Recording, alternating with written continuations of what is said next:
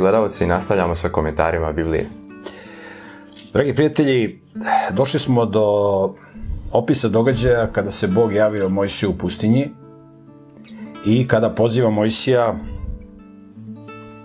da ode u Egipat i bukvalno zapovedi faraonu da pusti njegov narod iz Egipta na slobodu. Bog hoće da ih odvede u obećanu zemlju.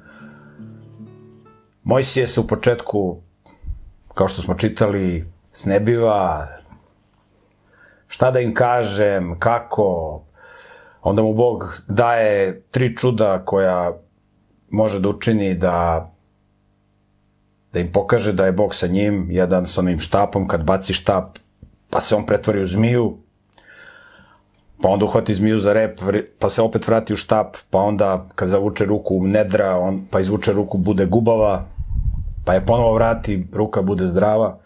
I treće čudo za koje je Bog rekao, da će moći da pretvori vodu u krv. I tu smo stali.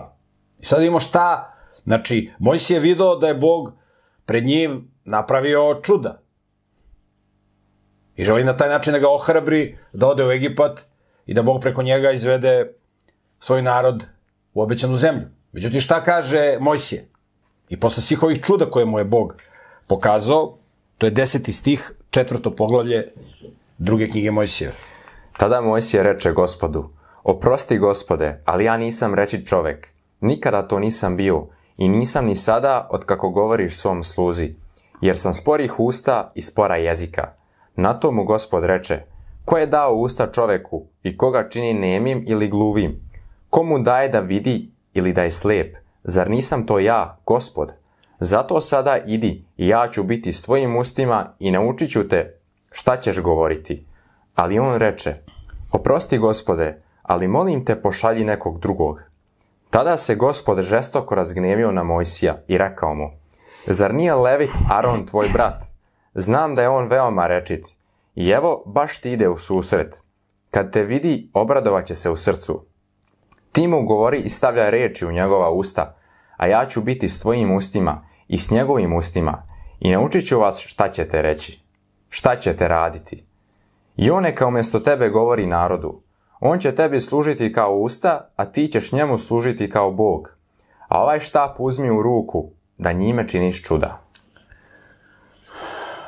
Znači, Mojsije se ustručava i kaže, Bože, nisam ja rečit, nije to za mene, nađi nekog drugog i tako dalje. I sad mi ovde možemo na osnovu ovog teksta da izvučemo zaključak da je Mojsije bio slabo karaktera, da je bio maloveran i tako dalje.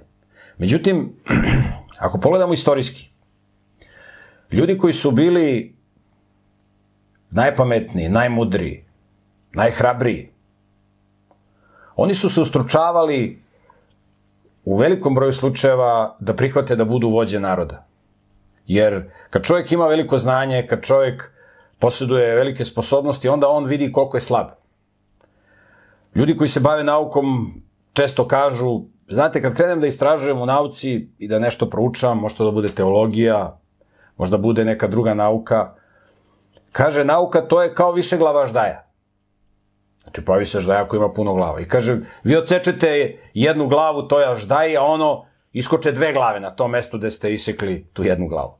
Tako i u nauci, kad krenete da istražujete, otkrijete koliko sve manje i manje znate. Ljudi koji znaju jako malo, oni misle da ste vi mnogo pametni, da puno znate. Međutim, što više krenete da otkrivate, to vidite koliko je to kompleksno, koliko je to složeno, kako je to Bog napravio grandiozno, kakvih sve tu ima širina i dubina i tako dalje. I onda vidite koliko ste vi slabi.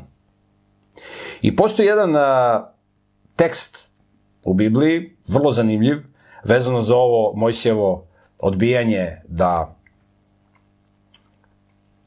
a, bude predvodnik Božeg naroda, gde ćemo vidjeti kako Bog opisuje u jednom tekstu jednu priču kako ljudi koji imaju veliko znanje često puta se ustrčavaju i veliku hrabrost i tako dalje da preuzmu odgovoran posao zato što su svesni svoje slabosti.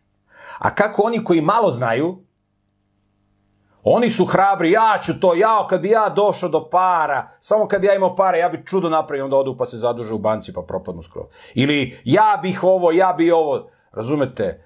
Uglavnom ti koji pričaju da ja, ja, ja, to su oni koji imaju mala znanja, koji imaju male sposobnosti, ali oni su oni su spremni da oni preuzmu odgovornost, da oni su sve mogući i tako dalje i tako dalje.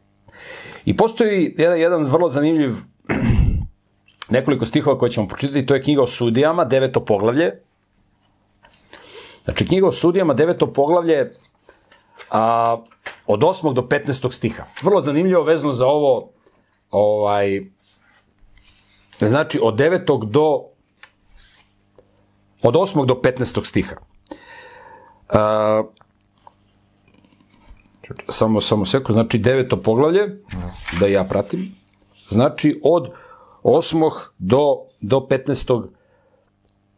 A, stiha. Slušajte ovu priču. Ovo je, ovo je, ovo je priča koja govori o ljudima različitih karaktera i različitih profila. Jednom su pošla stabla da pomažu sebi cara. Znači stabla, drveta su pošla da sebi izaberu cara. U Bibliji se inače čovjek opisuje kao, kao drvo koje donosi rod. I Isus kaže da drvo koje ne donosi rod, seče se i baca se u oganj.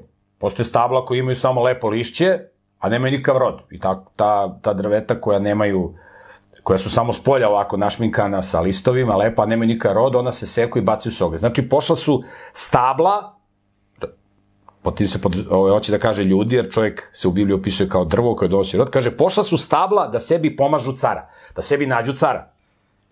Tako su rekla maslini, budi nam ti car. Ali maslina im je odgovorila, zar da se odreknem svog ulja koje je na slavu Bogu i ljudima, pa da se njišem na drugim stablima? Zatim su stabla rekla smokvi, dođi ti pa nam budi car. Ali smokva im je rekla, zar da se odreknem svoje slasti i svog dobrog ploda, pa da se njišem na drugim stablima? Onda su stabla rekla vinovoj lozi, dođi ti da nam budeš car. A vinova loza im je odgovorila, zar da se odreknem svoje šire Šire. šire, To je sok iz grožđa, šira. Nepokoren sok iz grožđa. koje prija Bogu i ljudima, pa da se njiše na drugim stablima. Na kraju su sva stabla rekla trnovitom grmu, dođi ti da nam budeš car. A trnoviti grm je odgovorio stablima, ako zaista želite da me pomažete, pomažete za cara, dođite i sklonite se u moj hlad. A ako nećete, neka izađe vatra iz trnovitog grma i proguta livanske kedrove. Znači, ovde se govori o drvetima koja donose najpoznatiji rod u svetoj zemlji. Znači, maslina, zatim a, smokva, zatim vinova loza, čuveno grožđe i svete zemlje. I ova drveta su rekla, mi nećemo. I onda su ponudili trnu, ili trnovitom grmu, da on bude car. On je rekao, hoću da budem car. Kaže, hoću da budem car. I kaže, ja da budem car, da se vi sklonite pod moj hlad. Trnoviti grm, on koji nema hlad, dođite kod mene, da će, kod mene ja ću da vas, da brinem o vama. Kaže, a ako nećete da se sklonite pod moj hlad, što nije moguće, kaže, neka izađe vatra iz trnovitog grna i proguta livanske kedrove. Kedr, kedar livanski ili, ili libanski kedrovi, to je jedno, to je čuveno drvo sa najlepšim mirisom, sa mnogi ga smatraju sveto drvo u smislu ne što ona ima neke božanstvene osobine, ovaj, pa da ljudi, iako su mnogi obožavali, ovaj, nego zato što je to je najlepše drvo, od njega su se pravile građevine u, u Izraelu, u Jerusalimu i tako dalje i tako dalje. Kaže, nek izađe vatra, taj grm, on će da spali najlepša drveta, li- livanske kedrove. I to kad budala dođe do, do mogućnosti da se on nešto pita, onda sve u propasti i, i ovaj, spali kao što je bilo često puta u, u istoriji. Dakle, imamo, Mojsije se snebiva, nemoj mene, Bože, Bog kaže, evo, doće Aron, ti ćeš njemu biti kao Bog, koji ćeš da mu govoriš, a on će da priča. Jer obično Bog kaže svom čoveku, svom proroku, šta da priča. Evo u ovom slučaju ćeš ti da budeš kao Bog, neće on da bude Bog, nema. A tvoj brat Aron će da bude ovaj, onaj koji će da da priča. I Bog prihvata Mojsija tako kakav jese. On kaže, neću, ne mogu ja, važi, evo, neće na silu ništa. Nije Bogu bilo milo, ali kao da Bog neće kroz njega da govori. Vidjet ćemo kroz, dalje kroz Bibliju, Bog može kroz magaricu da progovori. Kad nema, nema čoveka da progovori, Bog kroz magarca, kroz magaricu progovori. I ljudima da poruku. 18, 18 stih. Tako je Mojsije otišao i vratio se svom tastu Jotoru i rekao mu, pusti me, molim te, da idem kod svoje braće u Egipat, da vidim da li su još živi. A Jotor odgovori Mojsiju, idi s mirom. Poslije toga gospod reče Mojsiju u Madijanu, idi vrati se u Egipat, jer su pomrli svi koji su progonili tvoju dušu. Dakle, Mojsije traži dozvolu od svog tasta, jer on je došao kod njega da živi. I on je njegov staratelj. I on od njega traži dozvolu. I on pokupio stado, e, mene Bog pozvao, nema šta tebe da pitam. Ne, dolazi i kaže svom tastu, pusti me da idem. On kaže, nema problema. I Bog se javlja Mojsiju i ohrabruje ga. Kaže, idi i vrati se u Egipt, pa su promr, pomrli svi koji su tražili tvoju dušu. Pomrli su svi koji su tebe teli da ubiju. I Bog ga ohrabruje. Znači, ohrabruje ga. Čitamo dalje, 20. stih. Tada je Mojsije uzeo svoju ženu i svoje sinove i stavio ih na magarca, pa je pošao nazad u egipatsku zemlju. A u ruku je uzeo štap Božiji. Gospod je rekao Mojsiju, kad odeš i vratiš se u Egipat, gledaj da pred faraonom učiniš sva čuda koja sam stavio u tvoju ruku, a ja ću dopustiti da mu otvrdne srce, tako da neće pustiti narod da ode. A ti reci faraonu, ovako, ovako kaže gospod, Izrael je moj sin, moj prvenac, zato ti kažem, pusti mog sina neka ide da mi služi, ali ako ne budeš hteo da ga pustiš, ja ću ubiti tvog sina, tvog prvenca. Ovde Bog kaže Mojsiju da ga šalje kod faraona i kaže Bog da će on da otvrdne srcu faraonu. Znači, Bog će da otvrdne srcu faraon, srce faraonu, da faraon njih neće pustiti. Jer Bog tako vodi događaje da svi vide demonstraciju Božje sile na jedan poseban način, o čemu ćemo uskoro da pričamo. I sad, ispada kao da Bog krši volju, slobodnu volju faraona. Ima u Bibliji jedan tekst, ima ih više, ali jedan, jedan lepo tekst kaže kaže, hoće li ćup reći, reći grnčaru, grnčar je zanatlija koji pravi ćupove, kaže, hoće li ćup re, reći grnčaru, zašto si me takvog stvorio?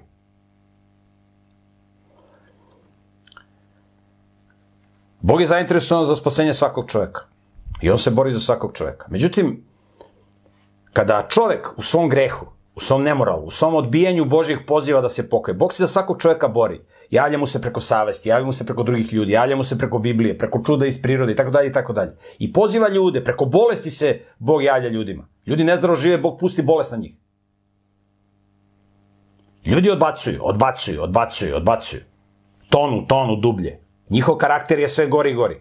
I u jednom trenutku kad pređu jednu crvenu liniju, da je tako nazovemo, ljudi dođu u jedno stanje kad više ne mogu da se poprave. To stanje u Bibliji se zove hula na svetog duha ili hula na duha svetoga.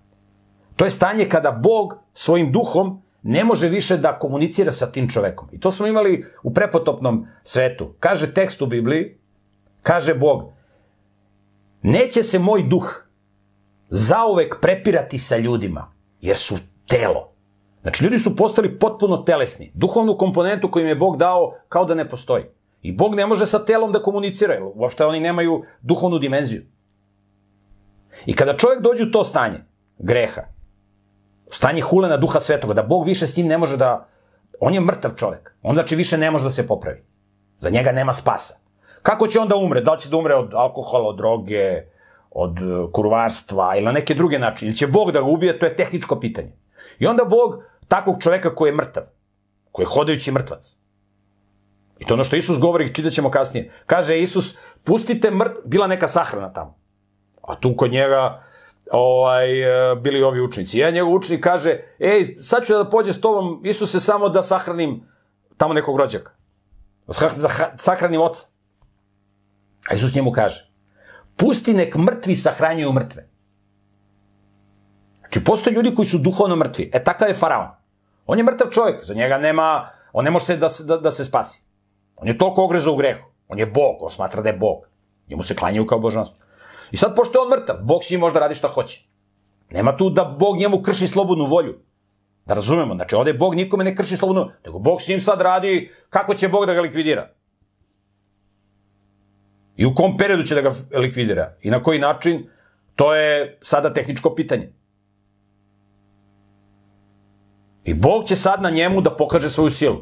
On i tako više, taj faraon, praktično, njegova slobodna volja ne postoji, jer on je toliko pohulio da on, on više ne može da razmišlja pozitivno. I vidjet ćemo kroz tekst koliko je taj faraon autodestruktivan. Šta god da mu se loše desi, on ide još, još, još silnije, još jače ide u destrukciju. I to ćemo čitati, kad budemo čitali poslednje, poslednju knjigu Biblije Otkrivenje. Kad Bog pusti sedam zala na ljude. I Bog pušta najstrašnije, najstrašnije nevolje na te bezbožnike koji budu živjeli na kraju istorije. I kaže, oni su grizli svoje jezike od bolova. Ti satanisti koji budu živjeli u posljednje vreme. I kaže, grizli su svoje jezike od bolova i hulili su na Boga. Oni psuju Boga, njih boli nevolja zbog greha, zbog nemorala, ali oni i dalje psuju Boga. Tako piše. E, to je slučaj sa faraonom. I Bog kaže, sad ću ja na njemu, na tom satanisti, da pokažem, sad ću njega da iskoristim da preko njega pokažem svoju silu. Znači, nema ovde nikakve kršenja slobodne volje. Faraon je iskoristio sve mogućnosti koje ime, ima. I prešao crvenu liniju i on se tretira u mrtve. Da li Bog koristi kamen ili koristi ovaj, neku stenu tamo ili zemlju rastresitu ili koristi faraona, on koristi mrtvu materiju. Jer on je duhovno mrtav. Pusti nek mrtvi sahranjuju mrtve. I Bog kaže, ovako ćeš da mu kažeš. Izrael je moj prvenac. Jer Izrael, narod Izraela, potomci Izraela, oni su Boži prvenac. To je prvi narod kome se Bog otkrio na jedan poseban način. I Bog je želeo da preko tog naroda sve druge narode na svetu informiše o sebi, o planu spasenja, o tome kako mogu da se izvuku iz greha, iz tamnice greha i tako dalje. Znači, Bog je, Boži plan je da formira, kao što ćemo vidjeti, jednu državu koju će onda štiti, koja će živeti po određenim zapovestima koje će Bog da da, koje on već dao, ali će sada da ih iza, bit će i zapisane i za nas. I vidjet ćemo kako kaže u Bibliji. Kaže, kad budete živjeli po mojim zapovestima, videće okolni narodi i reći će veliki je to narod, kakve dobre zakone i uredbe imaju. To je ono kako mi treba da budemo videlo on svetu, da svojim životom i zakonima po kojima mi živimo, zakonima zdravlja, zakonima morala, higijene, čistote, požrtvovnosti, gostoljubi, da mi budemo oni za koje će drugi da kažu veliki je ovo čovek, velika je ovo porodica, veliki su ovo ljudi, kakve dobre zakone oni imaju, kako vaspitavaju svoju decu i tako dalje i tako dalje pametni ljudi da to prepoznaju. Naravno, budale će da kažu, oni su krivi za naše stradanje, treba ih pobiti. Znači, Izrael je moj prvenac, kaže Bog. Ako ti ne pustiš mog prvenca i hoćeš da ga ubiješ, kao što to radiš sada, mučiš ga, hoćeš njegovu decu, bacaš u nili i tako dalje i tako dalje. Ako ti ubiješ mog prvenca, ja ću ubiti tvog prvenca.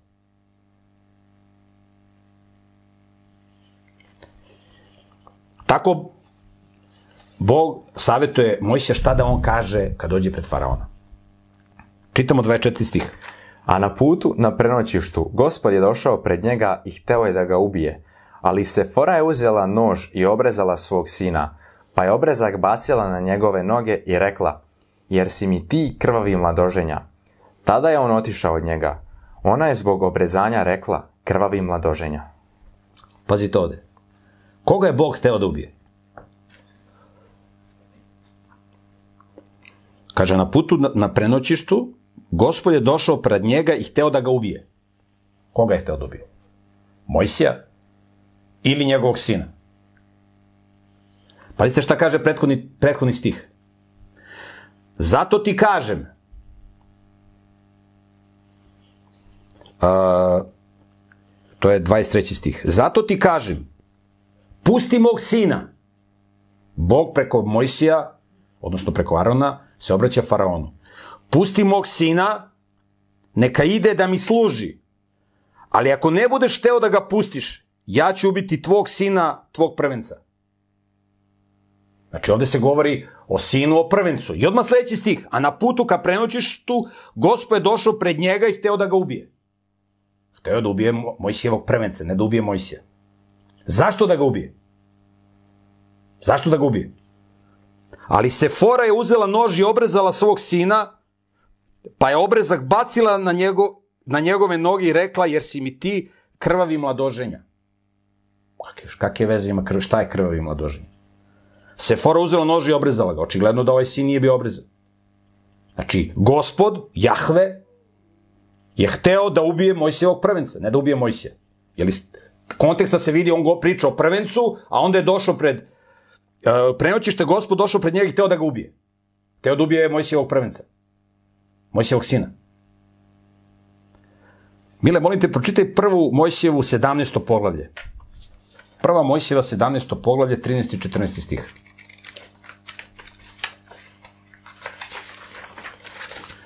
Sedamnesto poglavlje, 13. i 14. svih stih. Svako ko se rodi u tvom domu i svako ko bude kupljen tvojim novcem, neka se obreže. Tako će moj savez na vašem telu biti savez koji će trajati do veka. Ovde Bog priča sa Avramom. Znači, svi da se obrežu u njegovom domu. I koga kupi i sluge, svi moraju da budu obrezani. A muško koje se ne obreže, ta duša neka se istrebi iz svog naroda. Ta je prekršio moj savez. Znači, Bog je rekao da se obrezuješ. Onaj ko se ne obreže, da se istrebi iz naroda. I moj se je dobio sina, nije ga obrezao. Ali bi je imao pametnu ženu. To je ono što piše u Bibliji. Dobra je žena dar od Boga. I njegova žena, njegova žena nije htela da se pravi pametna, tu je Mojsije. Verovatno je na njemu i pričala, ajde ga obrežemo, ajde ovo, ovo je verovatno, ne, nemamo te detalje.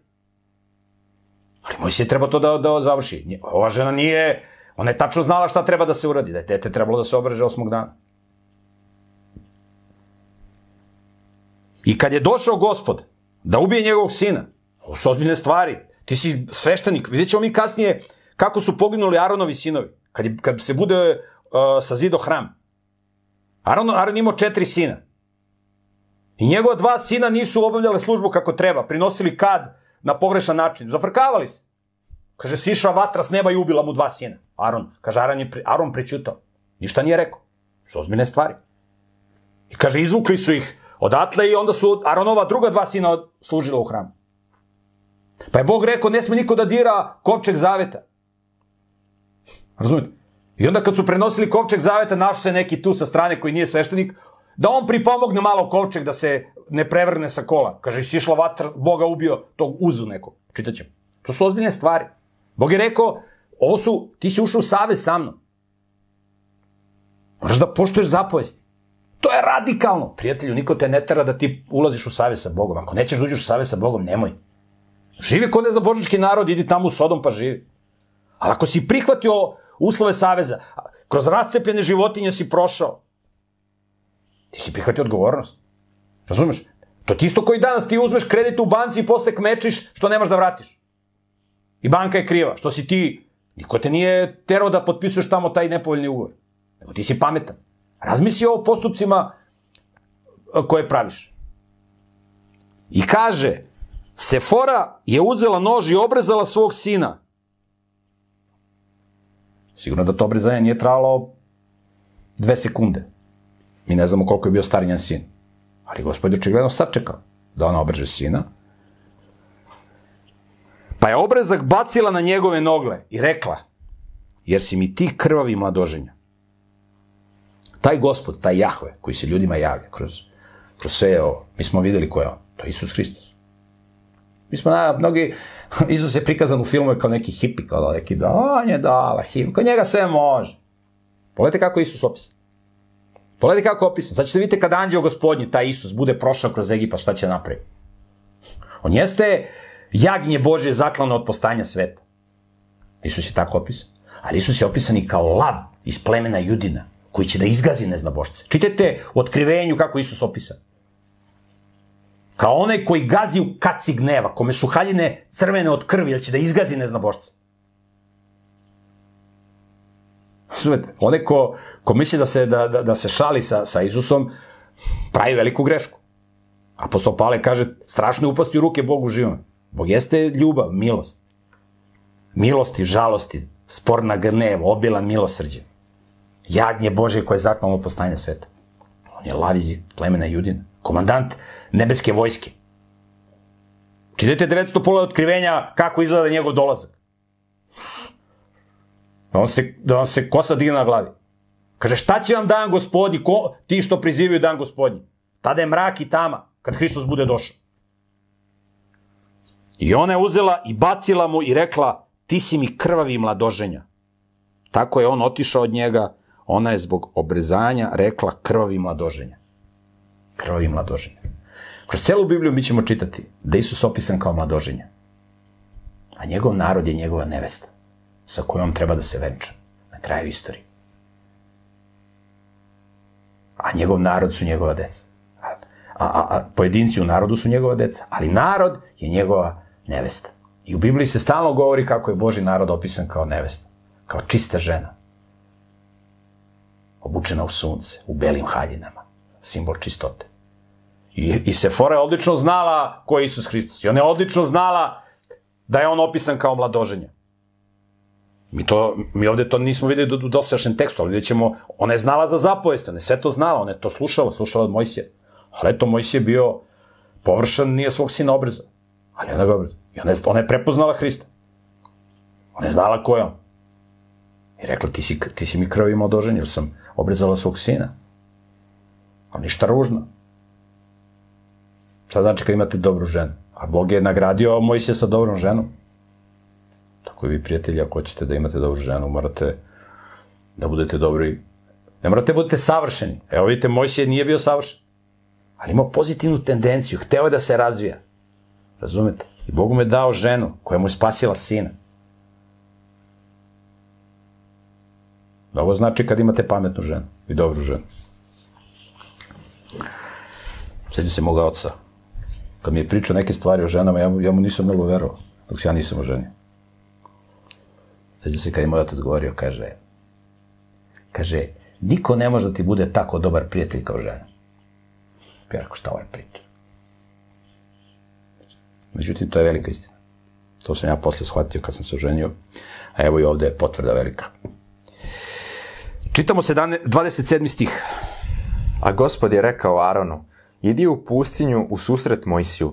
Tako je on otišao i sreo ga na gori Božjoj i poljubio ga. Mojsije ispričao Aronu sve što mu je rekao gospod, koji ga je i poslao, i sva čuda koja mu je zapovedio da učini. Zatim su Mojsije i Aron otišli i sakupili sve starešine Izraelovih sinova. Tada im je Aron preneo sve reči koje je gospod rekao Mojsiju, a Mojsije je učinio čuda pred narodom. I narod je poverovao. Kad su čuli da je gospod obratio pažnju na Izraelove sinove i da je video njihovu nevolju, poklonili su se i pali ničice. Dakle, Mojsije i Aron dolaze pred narod, sakupljaju starešine, znači oni koji su bili starešine, tad su postali starešine, postojala je hijerarhija u narodu i kaže kad su čuli, oduševili su se i poklonili su se, pali su ničice pred Mojsijem i pred Aronom. Čitamo šta se dalje dešava. Peto poglavlje, prvi stih. Posle toga su Mojsije i Aron otišli pred faraona i rekli mu, ovako kaže gospod, Izraelov bog, pusti moj narod da ide i da u pustinji održi svečanost meni u čast. Ali faraon reče, ko je gospod da poslušam njegov glas i da pustim Izrael? Ja ne poznajem tog gospoda i neću pustiti, pustiti Izrael. Ali oni rekoše, Bog jevreja javio nam se, molim te, pusti nas da odemo tri dana hoda u pustinju i da prinesemo žrtvu gospodu, svom Bogu, da nas ne udari pomorom ili mačem. Na to im egipatski car reče, Mojsije i Arone, zašto odvraćate narod od posla? Idite na svoj posao. Faraon još reče, evo sada kada je narod mnogobrojan u zemlji, vi biste hteli da ga odvratite od njegovih poslova. Mojsi i Aron kažu faraonu pusti narod da ide da napusti Egipat. Kaže, ko, ko je taj gospod? Kaže, ja ne znam za to gospoda. On ga ne zna. I zato ćemo kroz istoriju da vidimo ovaj, uh, kaže, ko je gospod da poslušam njega, ko je Jahve? On ne zna za tog boga, on zna ove paganske bogove, Marduka, Ra i tako dalje. Ko je, gos, ko je Jahve da poslušam njegov glas i da pustim Izrael? Ja ne poznajem tog Jahvea i neću pustiti Izrael. On ne poznaje Jahvea, pravo Boga. Zašto ga ne poznaje? Zato što nije hteo da ga upozna. On je mogao da vidi kakav je Mojsi i preko njega da sazna i tako da njega to ne interesuje. On je odavno odbacio sve Božje pozive i kaže nemojte da odvraćate narod od rada, sklonite se. Ali video je on da tu nisu čista posla i video on silu Božju kod Mojsija Aron. I on pozvao stražu i rekao likvidirajte ih. Čitamo šesti stih. Faraon je još istog dana zapovedio onima koji su terali narod da radi i njegovim upraviteljima. Nemojte više da sakupljate slamu i da je dajete narodu da pravi cigle. Neka sami idu da sakupljaju slamu. Ali i dalje tražite od njih da prave istu količinu cigala kao i do sada. Ne smanjujte je jer su lenji. Zato i viču, želimo da idemo, želimo da prinesemo žrtvu svom Bogu. Nametnite tim ljudima težak posao, neka rade da ne bi obraćali pažnju na lažne reči. Pazite šta se ovde dešava. Ovde se dešava nešto što se dešava svim ljudima koji hoće da se okrene Bogu, da se okrenu Bogu. Bog šalje Mojsija i Arona i kaže narodu da će da ih izbavi. I oni se oduševili. Međutim, odmah skaču demoni i stavlja na njih još veći teret. I ja znam mnoge slučajeve ljudi koji su mi se javili, kaže, Miroljub, kad sam počeo da čitam Bibliju, imam neke čudne, čudne mi se stvari dešavaju, imam neke košmare, imam neke napade, familija skače na mene i tako dalje i tako dalje. Odmah demoni skaču, dok se čovek krčka na tih, tihoj vatri, živi u grehu, nemoral, Boga, ovaj, demoni ga ne diraju puno. Pustaju ga da se krčka. Međutim, kad čovjek sazna za pametne stvari krene, hoće nešto da promeni u svom životu, odmah skaču demoni preko ekipe koju kontrolišu u okolini, koja nije, nije svesna za, o postojanju demona, odmah skaču da maltretiraju tu osobu, ili čovjek ima košmare neki, tako, znači demoni se bore. I to je znak da čovjek treba da uloži još veći napor. Da je u pitanju borba ljuta. E to, upravo se to dešava Izraelcima u Egiptu. Stiže izbavljenje, demoni još više nasrću. Kaže, sad nek sami skupljaju slamu kad prave cigle. Pre im su im donosili slamu. Sad i sami da skupljaju slamu i da prave cigle. Jer su mešali slamu sa blat, batom pa su sušili pravili cigle. Od koji su pravili zgradurine tamo faraonu. Znači, otežava im posao. Demon preko faraona. Deseti stih. Tako su oni koji su terali narod da radi i njegovi upravitelji otišli i rekli narodu, ovako kaže faraon, ja vam više neću davati slamu. Idite i sami nabavite slamu gde god možete da je nađete, ali, ali vam se posao neće nimalo smanjiti. Zato se narod razišao po svojoj egipatskoj zemlji da sakuplja strnjiku umesto slame. A oni koji su ih terali da rade, stalno su ih gonili i govorili, svakog dana morate završiti svaki svoj posao, kao i onda kada ste dobijali slamu. Kasnije su upravitelji među Izraelovim sinovima, koji su na njima postavili faraonovi nadzornici, dobijali batine jer im se govorilo, zašto ni juče ni danas niste završili posao što vam je određen i niste napravili onoliko cigala koliko i ranije. Znači, kreće teror. Još jači teror. Demoni skaču. Videli su da će da bude izbavljenje. Čitamo dalje, 15. stih. Zato su upravitelji među Izraelovim sinovima otišli da se žale faraonu i rekli su mu, zašto tako postupaš sa svojim slugama? Tvoje sluge više ne dobiju slamu, a ipak nam govore, pravite cigle. Čak tuku tvoje sluge, a kriv je tvoj narod. Ali on reče, lenji ste, lenji ste, zato govorite, želimo da idemo, želimo da prinesemo žrtvu Bogu. A sada idite na posao, nećete dobijati slamu, ali morate napraviti onoliko cigala koliko vam je određeno. Znači, Izraelici se žale faraonu. Ovo ih otera od sebe, nema popuštanja. Hoćete da budete na Božoj strani? Nema, zatežu se uzde. Pazite dalje kome idu da se žale. 19. stih. Tada su upravitelji među Izraelovim sinovima videli da su u velikoj neprilici, jer im je bilo rečeno, ne smete smanjivati količinu sigala određenu za svaki dan. Poslije toga sreli su Mojsija i Arona, koji su tamo stajali i čekali ih da izađu od faraona. Odmah su im rekli, neka vas gospod vidi i neka sudi, jer smo zbog vas postali mrski faraonu i njegovim slugama. Dali ste im mač u ruke da nas pobiju. Tada je se Mojsije obratio gospodu. Gospode, zašto si naneo zlo ovom narodu? Zašto si me poslao? Jer otkako sam izašao pred faraona da govorim u tvoje ime, on čini zlo ovom narodu, a ti nikako da izbaviš svoj narod. Znači, Izraelci se žale Mojsiju faraonu i kaže, vi ste krivi što mi sad stradamo. Što je nam i gore nego što je bilo.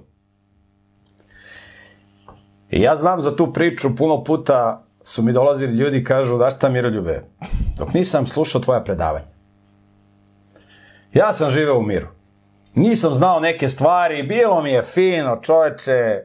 Sad kad sam saznao neke stvari, koliko je štetno da se puši, da se pije, da se drogira, da se kurva, da... Sad sam u problemu, čoveče, znam da to ne treba, u muci sam, savest mi kaže da ne radim, srce me vuče da radim, napravio si mi, ove tvoje predanje, Mirljube, napravili su mi velike probleme. Ti si kriv. Bolje da nikad nisam gledao tvoje emisije. To mi je mnogo ljudi reklo. E, to je ova priča. Vi ste krivi. Mesto da se mole Bogu, ali oni su toliko bili maloverni. Ali zašto Bog sve ovo dopušta? Da vide koliko je greh strašan. Pazite šta Bog sad kaže, šesto poglavlje, prvi stih. Gospod reče Mojsiju, sada ćeš vidjeti šta ću učiniti faraonu. Snažna ruka nateraće ga da ih pusti i snažna ruka nateraće ga da ih istera iz svoje zemlje. Kaže Bog, sada ćeš da vidiš šta će da se desi. Čitamo dalje. Bog zatim reče Mojsiju, ja sam gospod, ja sam se pojavio Avramu, Isaku i Jakovu kao Bog svemoćni, ali svojim imenom gospod nisam im se objavio. Isklopio sam svoj savez s njima da ću im dati Hanansku zemlju, zemlju u kojoj su živeli kao stranci. I ja sam čuo jeca Izraelovih sinova, koji Egipćani drže u robstvu i setio sam se svog saveza. Pazite šta ovde Bog kaže.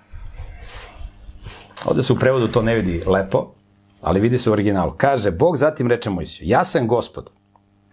Ja sam se pojavio Avramu, Isaku i Jakovu, kao Bog svemoćni. Znači, Bog se njima pojavio. Ali svojim imenom gospod nisam im se objavio. To je ovako bio prevod koji je u duhu našeg jezika. Međutim, a, doslovno ovaj, u hebrejskom piše ali sa svojim imenom, sa svojim imenom Jahve nisu me upoznali. Znači, oni mene nisu upoznali. Ja sam se njima pojavio, ali oni mene nisu još upoznali. I tu se koristi hebrejska, hebrejski glagol ladat, što znači znati ili spoznati. U hebrejskom jeziku postoji a, reč makir, kad nekoga upoznate. Ja znam poštara, ja znam a, vozača autobusa, ja znam tamo nekog čoveka, ja ga znam, ali ja ga ne poznajem. Znači, makir je poznavat, znati. U smislu poznavati ovako. A, ali odea znači jedno posebno poznavanje koje se stiče kada s nekim živite u kući, kad ste s nekim u braku, kad s nekim provodite jako puno vremena. To je onda ladat, znati. I, o, i Bog kaže, taj glagol ladat, znati se koristi kad se kaže i pozna Adam ženu svoju. I ona mu rodi sina. Znači, on je nju poznao na jedan poseban način. Nije ona, evo, znao, videli su se na ulici, u autobusu, na pijaci i tako dalje. Ne, on je nju, on je s njom imao bliski odnos, intimni odnos. On je s njom živeo. On se s njom intimizirao. I kao posljedica tog intimnog odnosa, kaže, pozna Adam ženu svoju. Znači, jedno posebno poznanstvo, ljubavno poznanstvo, prijateljsko poznanstvo, uzvišeno poznanstvo. Kaže, ja sam se, ja sam se pojavio, on se pojavio Avramu u Mamri, kaže, došao sam da uništim Sodom. On se javio Isaku, javio se Jakovu. Ali kaže, oni mene do sad nisu upoznali. Kaže, sada će da me upoznaju. Ovo sad što se bude, što će se desiti, sad će oni mene da upoznaju. Do sad su samo čuli za mene. I to je ono što posle Jov isto govori. Kaže, gospode, do sad sam samo slušao o tebi, a sada te moje oči vide. Kad je on prošao kroz jedno, kroz jedno iskustvo. Kaže Bog, sada, ćete, sada će Izraelci da me upoznaju. Ladat. Ne ono su čuli za mene, javio sam se Avramu, malo smo popričali, on spremio neko jelo, ja se pozdravio otišao. Sada će da me upoznaju. To će biti jedno, jedno žestoko poznanstvo. Žestoko poznanstvo. I to je, to je, to je vrlo bitno. Ljudi na osnovu površnog upoznavanja, makir, zna nekoga. Oni donose određene zaključke i zato stradaju. Pogotovo kad se žene. E zato je potreban menadžer ili navodađija koji ladat poznaje osobu. I onda on preporuče, ne možeš ti makir, ti ga znaš i ti si pametan da donosiš zaključke. Mora da bude neko ko poznaje. Ko poznaje suštinu. Koji zna kako sistem funkcioniše. Razumete? E, kaže Bog, sada će da me upoznaju. Ovde sam se ja njima javljao, pa su oni prepričavali to svoje deci i tako dalje. A sad će da me svi upoznaju. Ceo narod će da me upozna, ladat. To tako pišu u hebrejskom originalu. Šesti stih, Bog dalje govori. Zatim reci Izraelovim sinovima, ja sam gospod i ja ću vas osloboditi bremena koje su vam nametnuli Egipćani i izbavit ću vas iz robstva u kome vas drže. Oslobodit ću vas podignutom mišicom i strogim presudama. Uzet ću vas za svoj narod i bit ću vaš Bog. I znaćete da sam ja gospod, vaš Bog, koji vas oslobađa egipatskog bremena. Dovešću vas u zemlju za koju sam podigao ruku, zaklinjuću se da ću je dati Avramu, Isaku i Jakovu i daću vam je, ja sam gospod. Znači, reci Izraelcima, ja ću vas izbaviti.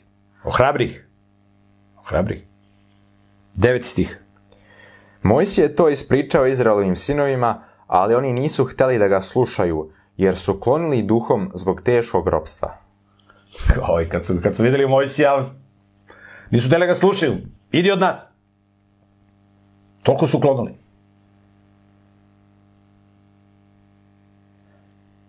To je kao kad imate čovjeka koji je ceo život nezdravo živio. I on leži na, na, pole, na postelji bolestan, pušio, pio, drogirao se, razvaljivo se i on se raspada od bolesti. I sad vi dođete njemu da pričate nešto o zdravlju i tako dalje. On se, idi od mene, ne mogu da slušam, čoveče, nije mi dobro. Pusti mi tu priču. Preduzmi nešto da spasiš tog mrtvaca na samrtnoj postelji. Šta može čovjek da uradi? Šta može Mojsije? Ne može ništa. Šta može Aron? Ne može ništa. Ali ima ko može? Bog. Bog može mrtvaca da digne. I sad će Bog mrtvace da digne iz duhovnog robstva. Kad ih digne iz ruhov, kad, kad ih digne i vaskrsne iz duhovne smrti, onda će lako i fizički da ih vaskrsne. Jer duhovna smrt prethodi fizičkoj smrti. Desti stih. Tada gospod reče Mojsiju, idi reci faraonu, egipatskom caru, da pusti Izraelove sinove da idu iz njegove zemlje. Ali Mojsije reče gospodu, gle, Izraelovi sinovi nisu me poslušali, pa kako će me onda faraon poslušati, kad sam neobrezanih usana? Ali gospod je dalje govorio Mojsiju i Jaronu i preko njih je davao zapovesti Izraelovim sinovima i faraonu, egipatskom caru, jer je hteo da Izraelove sinove izvede iz egipatske zemlje. Znači, situacija je toliko teška da ne može teža da bude. I to ono što ćemo čitati kasnije u Bibliji, kad kaže apostol Pavle, kada sam slab, onda sam silan. Čovjek dokle god ima snagu, on se u Boga ne uzda, on misli da će svojom snagom da reši problem. I onda kada vidi da ne može ništa, onda krene da se moli Bogu. Tako radi većina ljudi. I onda krene da se moli Bogu i onda kreću da se stvari dramatično menjaju na bolje. Čovjek samo kad dođe u nevolju i u bolesti i u, i u, i u stradanje, onda se, onda se moli Bogu. Sveđa se jednog mog prijatelja koji je bio biolog, još uvijek je. I ovaj, njegov profesor je bio ateista. A taj moj prijatelj, on je religiozan. I pošto je on bio najbolji student ovaj, na fakultetu, ovaj profesor ga je pozvao, ovaj, kako se zove, kod ku, da dođe kod njega u goste u kući. I ovaj, i on je došao kod tog svog profesora kući i seli su za sto i tako krenuli da piju neko piće, sad će da bude ručak. I taj njegov profesor, tu za stolom sedi njegova supruga, profesora i ne znam, dvoje dece i sedi taj moj prijatelj. A ova, njegova žena, ona je isto neka profesorka, isto veruje u evoluciju, da Bog ne postoji i tako dalje, ovo je isto te isto, ali njegova žava što je dobar student. I kaže ovaj profesor, kao idem samo do WC-a. I ode on do WC-a i vraća se iz WC-a i kako otvorio vrata od sobe kad se vraćaju iz WC-a, tu da su oni sedeli, odjednom se uhvatio za grudi i počeo da grca, a oni su svi bili ono žderonje, jedu, krkaju, piju, je tako, razumete? I uhvatio se za grudi, imao je srčani udar. I samo se sruše na zemlju. I meni priča taj moj prijatelj biolog, kaže, ova njegova žena, koja je ono ateista, znači, ne, može se, ne možeš ti da pričaš o religijskim pitanjima s njom. Kad je pala na kolena, kaže, Bože, pomozi. Bože, pomozi. Kad je kad se njen muž srušio dole, od srčanog udara. Kaže, ja gledam, ne mogu da verujem. E, to je ova situacija. Znači, bezizladna situacija. Kakav Bog, ne treba nam Bog. Kada sam slab, onda sam silan. Kaže apostol Pavle. I sada se sprema da vidite kako, kako će Izraelci da upoznaju Boga. Ladaat, da ga upoznaju. Biće traumatično iskustvo. Ali, spasonosno. I sad od 14. stiha do 25. nećemo čitamo, kaže ovo su poglavari domova očeva, sinova Izraeljih i nabraja ovaj, Ruvim je imao sinove ovoga, onoga i tako da to nećemo čitamo.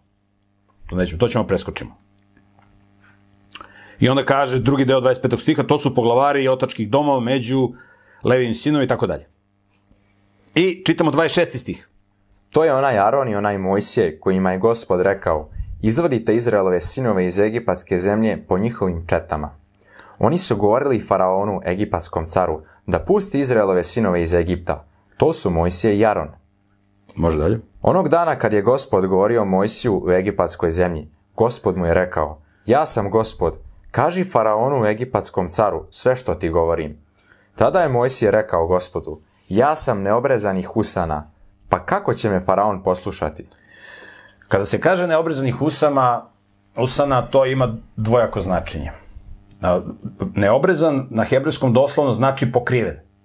Jer postoji jedna kožica kod muškarca koja pokriva jedan deo tela kod muškarca i onda biti neobrezan znači biti pokriven. Taj deo tela je pokriven, a treba bi da bude otkriven.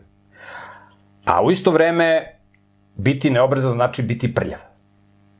Znači, kada on kaže zašto je prljav, zato što ispod te kožice koja pokriva određeni deo tela se skuplja prljavština i zato ljudi koji su neobrezani jako teško mogu da održavaju skoro nemoguće svoju higijenu.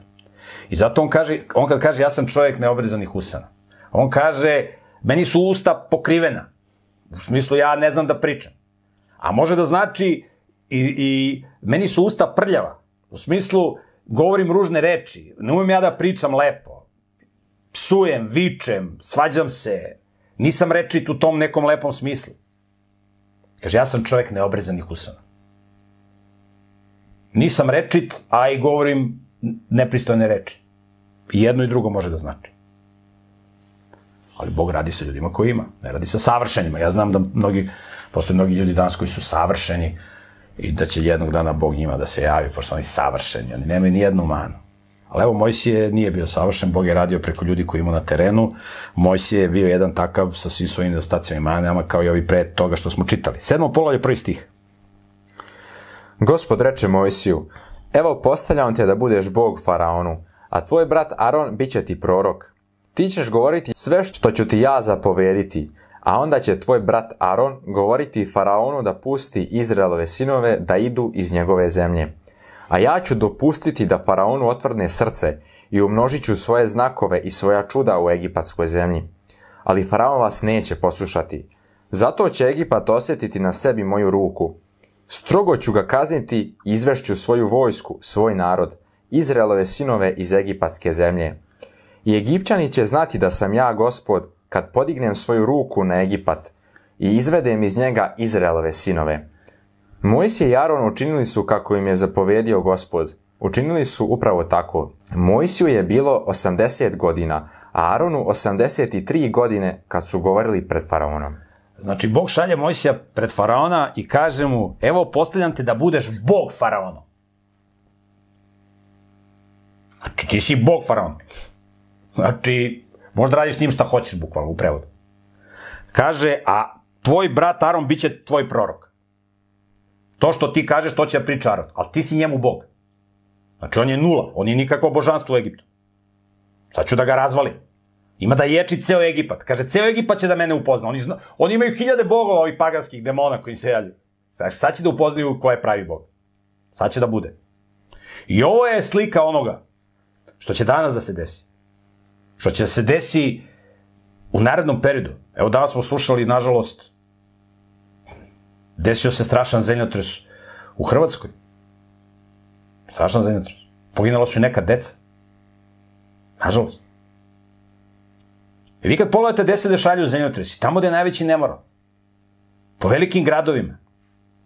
Pogledajte koje su tačke na planeti Zemlji, kako kažu ate, ateistički naučnici, seizmički trusna. Sad čekam kad će se javlje ovi neki stručnjaci, geolozi, ovi seizmolozi da kažu, pa znate, tu okolina Zagreba, tu je seizmički trusno područje.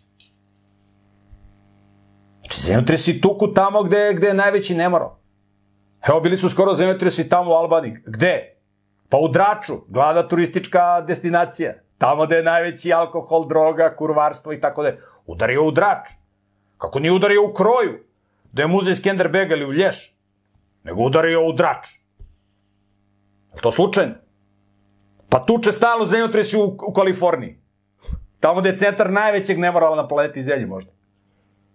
Gde sedište prostitu, snimanja pornografije i svih seksualnih perverzija, nasilja, Hollywood i tako dalje i tako dalje, da ne pričam šta se tamo. U Kaliforniji imate preko 900 lokaliteta koji u svom imenu ima ime Đavo. Devil's Golf Course, Devil's Post Pile, Devil's Cornfields i tako dalje i tako dalje. Pa Indonezija, koja je najpoznatija destinacija za seksualni turizam, da roditelji iznajmljuju svoju decu za 10 dolara dnevno. Gde dolaze pedofili iz celog sveta. Tamo kad je zvizno zemljotres, bilo 250.000 mrtvih. Kaže, sad će mu upoznaju. Vi pričate ljudima. Oni se smejavaju. Kakva priroda, život u prirodi? Ma to me ne interesuje. Radi, idem da je droga, da je alkohol, da je provod. Je tako? Sad ćete da vi... Sada ćete da me upoznate. Ladat. Ladat. Postoji lakši teži put. Ljudi biraju teži put. Ljudi biraju teži put. Sad će da me upoznate, kaže Bog. Kaže Bog u Bibliji, kaže, kad govori za ove sataniste, na celoj planeti, kaže, poklonit će mi se svako koleno. Tako kaže Bog. Poklonit će mi se svako koleno, ko što su se svi Egipćani poklonili Bogu, kao što sada vidite. Kad su ga upoznali. Samo bilo je to traumatično iskustvo. Ovaj, I kaže da je Mojsiju tada bilo 80 godina. Znači, on se 40 godina prevaspitavao, on je sa 40 godina otišao u pustinju, tamo u Madijansku, čuva ovce, bio na prevaspitavanju i sad se vratio sa diplomom, naravno, licencirana, akreditovana diploma. Znači, sad je osposobljen, završio visoke škole, bio, bio na Harvardu, da se edukuje. I evo ga, Mojsije je bio u pravoj školi, u prirodi, družio se sa ovcama. Od ovac, sa ovcama se družite. Od ovaca ćete da naučite. U ovim ateističkim školama teško da ćete nešto da... Od ovaca možete puno da naučite, a od ovih ateista ništa. Samo neko zlo ćete da naučite. Čitamo dalje, osmi stih. Gospod je rekao Mojsiju i Aronu, ako vam faraon kaže, učinite neko čudo, onda reci Aronu, uzmi svoj štap i baci ga pre faraona, a štap će se pretvoriti u veliku zmiju. Tako su Mojsi i Aron došli pred faraona i učinili tačno onako kako je gospod zapovedio. Aron je bacio svoj štab pred faraona i njegove sluge, a štab se pretvorio u veliku zmiju. Ali faraon je pozvao mudrace i vračare. Egipatski sveštenici koji se bave magijom učinili su to isto svojim magijskim umećem. Bacili su svaki svoj štap, a štapovi su se pretvorili u velike zmije. Ali Aronov štap je progutao njihove štapove. Ipak, faraonovo srce je otvrdlo i on ih nije poslušao, kao što je gospod i rekao. Ovi stihovi su vrlo bitni da vidimo i da se upoznamo sa tim šta sve demoni mogu da rade, kakva čuda mogu da rade. Preko satanista, okultista i ovih satanskih svešnika kao u Egiptu. Znači, a, Aron je bacio štap koji se pretvorio u zmiju. Ali su i ovi sa, egipatski satanistički svešnici, magovi, bacili svoje štapove koji su se takođe pretvorili u zmije. Znači, demonu nije problem da simulira zmiju. Ali Bog pokazao ko je ovde jači. Ko je ovde jači? Znači, Mojsijev, jer onov štab je progut ove njihove, njegova zmija je progutala ove zmije. Pokazalo se ko je duh jači. Koja je sila jača.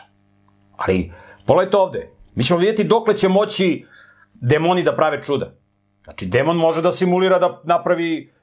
Ako pitate ljude koji konzumiraju droge, a pogotovo i halucinogene droge, oni će vam reći da u svojoj sobi vide zmije, da im se prikazuju zmije kako šetaju po, po zidovima. To je, to je kod ljudi koji su demonizovani, koji su drogirani, koji žive u velikom nemoralu, to se kod njih dešava, to je kod njih kod normalno. Da, da, da po kući im šetaju zmije, da oni vide zmije. To demoni mogu da urade bez problema. Čitamo dalje, 14. stih. Tada gospod reče Mojsiju, Faraonovo srce je otvrdlo, on ne želi da pusti narod. Idi ujutru kod Faraona. Kad on izađe na vodu, a ti stani pred njega na obali Nila i uzmi u ruku štab koji si pretvorio u zmiju i reci mu, Gospod, Bog jevreja, poslao me je kod tebe govoreći, pusti moj narod da ide da mi služi u pustinji, ali ti do sada nisi poslušao. Ovako kaže gospod, po ovom ćeš znati da sam ja gospod. Evo, štapom koji mi je u ruci, udarit ću po vodi u Nilu i ona će se pretvoriti u krv. Ribe u Nilu će uginuti, a Nil će smrdeti tako da će se Egipćanima gaditi da piju vodu iz Nila. Znači, Bog kaže, otiđi na Nil i tamo učini ovaj, da se voda pretvori u krv. I kaže, Egipćanima će se gaditi da piju vodu iz Nila. Nil je bio glavni izvor vode u Egiptu. Čitamo 19. stih. Gospod još reče Mojsiju, reci Aronu, uzmi svoj štap i ispruži ruku nad egipatskim vodama, nad njihovim rekama, nad kanalima Nila i nad močvarama i nad svom vodom koju su sakupili, da se pretvori u krv. I krv će biti po svojoj egipatskoj zemlji, i u drevnim, i u drvenim, i u kamenim posudama. Mojsi i Aron odmah su učinili tako, upravo onako kako im je gospod zapovedio. Aron je podigao štap i udario po vodi u Nilu pred očima faraona i njegovih slugu, i sva voda u Nilu pretvorila se u krv. Ribe u Nilu su uginule, a Nil je počeo da smrdi, tako da Egipćani nisu mogli da piju vodu iz njega. I po svojoj egipatskoj zemlji bila je krv. Znači, Bog je učinio nešto strašno. Vidjet ćemo kasnije kada Bog bude govorio, kaže, ja ću se obračunati sa bogovima egipatskim. Nil je bio jedno od božanstva u Egiptu. Ljudi, Egipćani su se klanjali reci Nil, kao božanstvu. Kad, kad Nil na proleće počne da dolazi, oni su se klanjali Nilu kao božanstvu. Jer ih je Nil i hranio. Klanjali su se suncu, on ih, sunce ih je osvetljavalo. Znači, Nil je navodnjavao zemlju. I onda je Bog udario njihovo božanstvo. Pretvorio je njihovog božanstva reku Nil u krv. I ribe su uginule. Čitamo dalje, 22. stih. Međutim, egipatski sveštenici koji se bave magijom učinili su to isto svojim tajnim umećem, tako da je faraonovo srce i dalje bilo tvrdokorno i on ih nije poslušao, kao što je gospod i rekao. Tako se faraon okrenuo i otišao svojoj kući. Ne uzimajući sve ovo k srcu, i svi Egipćani su počeli da kopaju oko Nila tražeći vodu za piće, jer nisu mogli da piju vodu iz Nila. I prošlo je sedam dana od kako je gospod udario Nil. Jedna od vrlo bitnih stvari da razumemo jeste zašto je Bog ovako postupio s ovim čudima. kroz celu istoriju, nezabožački narodi su se rugali jevrejima, kaže, kakav je to vaš bog, nevidljivi bog? Nevidljivi bog. Mi imamo naše vidljive bogove, kipove, razne rezbarene likove koje su im demoni rekli da rezbare ta čudovišta što su videli te demone. I kaže, mi kad odemo u naše paganske hramove, tamo se stalno dešavaju čuda. Stalno se dešavaju čuda. A ovaj vaš nevidljivi Bog, on nikakva čuda ne čini. A najveće čudo koje Bog čini je promena karaktera. To je čudo. Kad loš čovjek postane dobar. To je najveće čudo kod Boga. Ali oni su volili ova čuda što demoni rade. Zmije, pretvara se voda u, u, u krv i tako te stvari. I mnoge druge, mnoga druga čuda koje su demoni radili u tim paganskim hramovima. Ma kaže, ovaj vaš nevidljiv bog, kaže, to nije zadivljivo. Ideo ja, kaže, u paganski hram, tamo se stalno neka čuda dešavaju. Razumite? E, ljudi to vole. Vi kad pogledate šta se dešava u gradu. Razumete, ljudi vole light show, svetlo, čuda, stadion, jel tako, neki, iz, oni, kako se zove, one manifestacije, ono kad igraju u minićima, one cheerleadersice i tako dalje, tako čuda, ja, vidi šta je uradio sa loptom iza leđa, driblingo, čuda, ljudi vole čuda. Ljudi ne vole da menjaju karakter i da tako budu srećni. To je njima dosada. Idemo mi tamo gde su čuda, da gledamo čuda. Razumete? Ljudi vole čuda, a ne vole Bože čuda, izmenu karaktera. I onda Bog kaže, hoćete čuda? Evo sad ću ja da napravim veće čuda nego vi. Evo zmija. Moja zmija pojede vaše zmije. Sad ima da, da zasmrdi ceo Nil. Mogu i oni da pretvore vodu u Nil, a vi, aj, ali nek pretvore da se da pretvore vodu u krv. Ajde nek oni učine da se da, da taj Nil bude čist. Naravno da ne mogu. Oni mogu u nekoj kofi da naprave nešto malo, je tako, da se voda pretvori u krv. Kaže Bog, sad ćete da vidite ta vaša čuda, kakva su. Sad ćete vidite vaša čuda. Evo da imamo Eto, ta, ta čuda koja vi pravite, ja ću i tu da vas pobedim, a sad ćete vidite čuda koja vi ne možete napraviti. To tek sad dolazi. Osmo, osmo polovlje, prvi stih. Tada gospod reče Mojsiju, idi k faraonu i reci mu, ovako kaže gospod, pusti moj narod da ide da mi služi. Ako i dalje ne budeš hteo da ih pustiš, evo, na svu tvoju zemlju pustit ću žabe, i Nil će vrveti od žaba koje će izaći i ući u tvoju kuću, u tvoje spavaću sobu, na tvoju postelju, u kuće tvojih slugu i tvog naroda, u tvoje peći i u tvoje posude. Na tebi i na tvoj narod i na sve tvoje sluge doći će žabe. Dalje. Zatim gospod reče Mojsiju, reci Aronu, ispuži ruku na svojim štapom iznad reke, kanala Nila i močvara i učini da žabe izađu na egipatsku zemlju.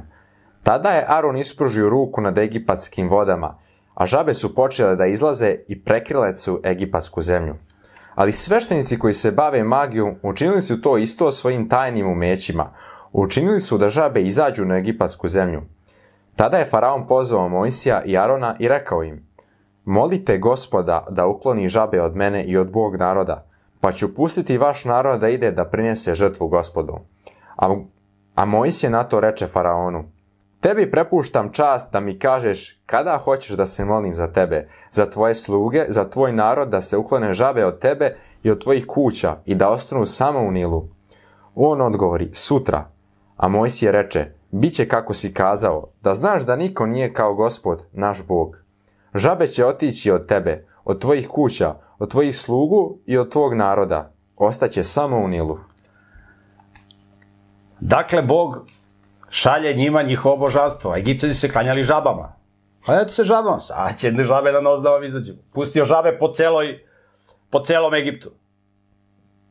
Ali, satanski sveštenici su i oni uspeli da naprave žabe. Znači, demoni su mogli da se pretvaraju u žabe. Znači, može, eto i to mogu. Ali nisu mogli da uklone žabe.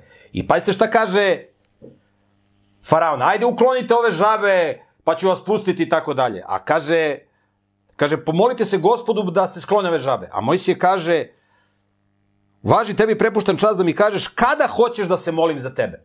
A faraon kaže sutra.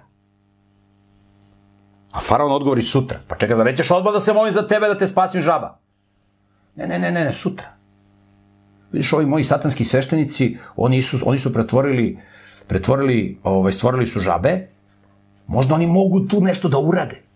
On se još uvek uzdao u svoje, u svoje stručnjake, eksperte, licencirane, akreditovane, je li tako?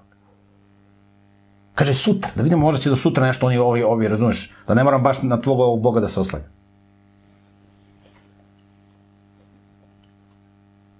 Kaže, bit će kako si kazao. Kažu njemu Faraon, kažu njemu Mojsijar. 12. stih. Onda su Mojsije i Aron otišli od faraona, a Mojsije zavapio gospodu zbog žaba koje je poslao na faraona. Gospod je učinio po Mojsijevoj riječi i žabe su uginule po kućama, dvorištima i poljima. I oni su ih zgr zgrtali na gomile, tako da je zemlja počela da zaudara. Kad je faraon video da je, na, da je nastupilo olakšanje u zemlji, srce mu je stvrdlo i nije ih poslušao, kao što je gospod i rekao.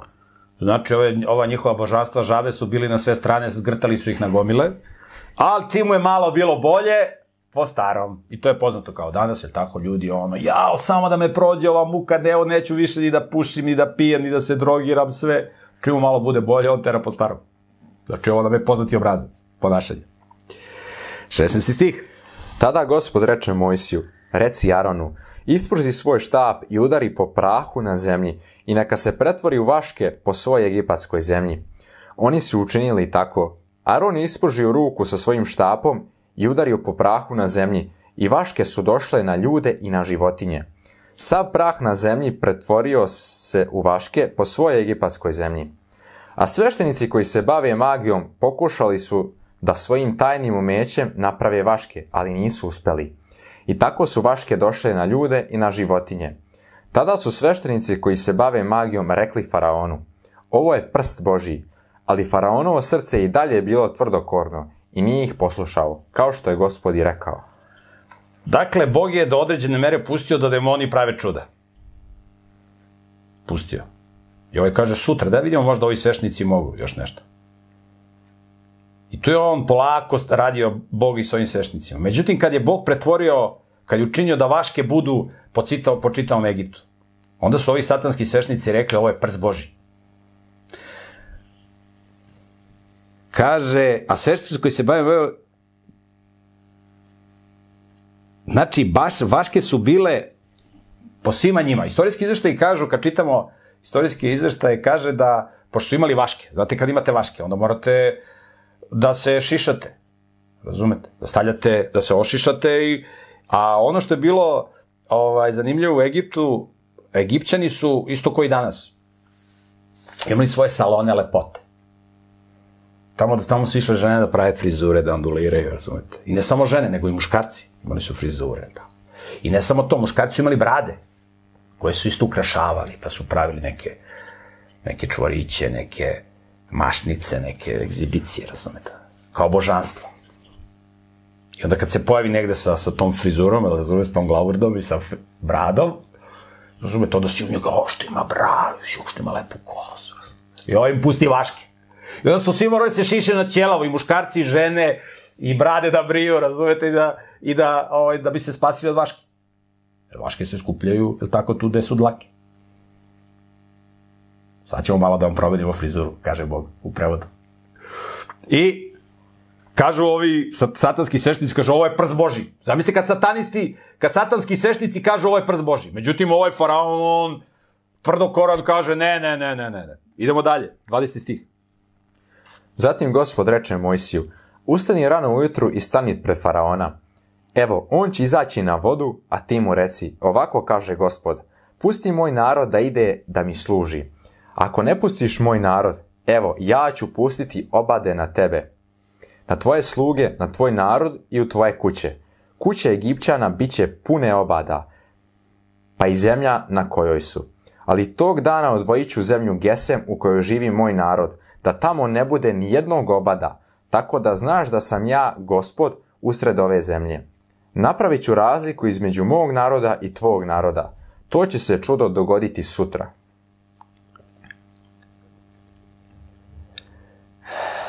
Kaže Bog preko Mojsija da će da pusti obade na zemlju.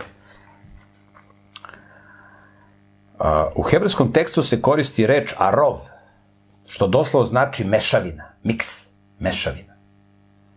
Znači, nisu to na osnovu hebrejskog teksta bili obadi. To je bila neka mešavina insekata koji su kidali, koji su razvaljivali. Ne znam da ste nekad videli kad najđe roj osa pa vas napadne pa ono, pa oni stršljenovi, bumbari, pa ne znam, one razne životinje.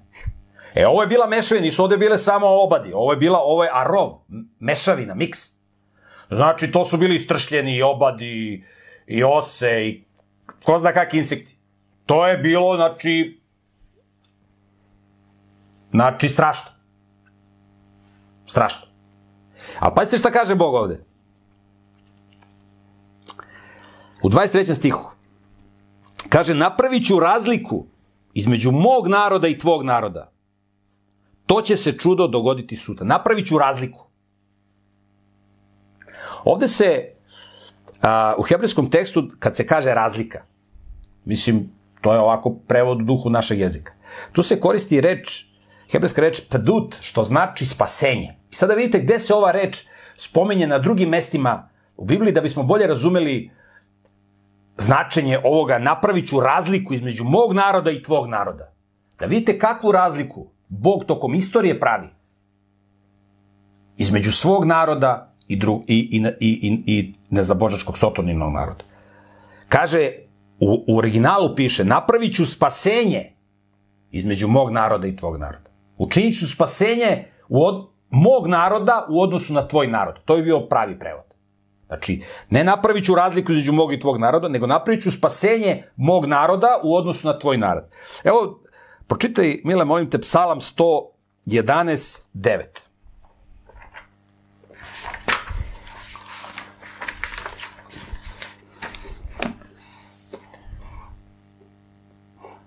Otkup je poslao narodu svome. Zapovedio je da savez njegov do veka traje. Ime je njegovo sveto i strah uliva. Otkup ili spasenje. Znači, spasenje, tu se koristi reč pedut. Pročitaj još jedno. Otkup je poslao narodu svome. Otkup je poslao narodu svome. Ili spasenje je poslao narodu svome. Zapovedio je da savez njegov do veka traje. Ime je njegovo sveto i strah uliva. Pročitaj, pročitaj uh, Isaju 50. polavlje, drugi stih.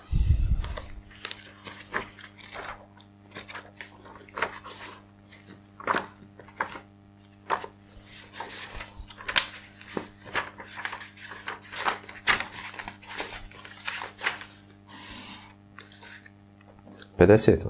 50. poglavlje, drugi stih. Zašto nije bilo nikoga kad sam došao? Zašto se niko nije odazvao kad sam zao? Zvog Bog poziva na pokajanje. Zar je moja ruka kratka, pa ne može da vas otkupi? Moja, moja ruka kratka pa ne može da vas pedute, da ne može da vas spasi, da vas otkupi. Zar nemam snage da vas izbavim? Gle, kad zapretim, more se isuši i reke se pretvore u pustinju. Znači, ovde se koristi ta ista reč kao i na ova dva mesta. Kaže, napravit ću spasenje mog naroda u odnosu na tvoj narod. To je doslovan prevod. I vidite, dolaze velike nevolje. Dolaze velika zla.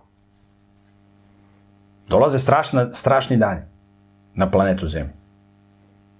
Ali postoji razlika između Božjeg naroda i naroda koji nije njegov.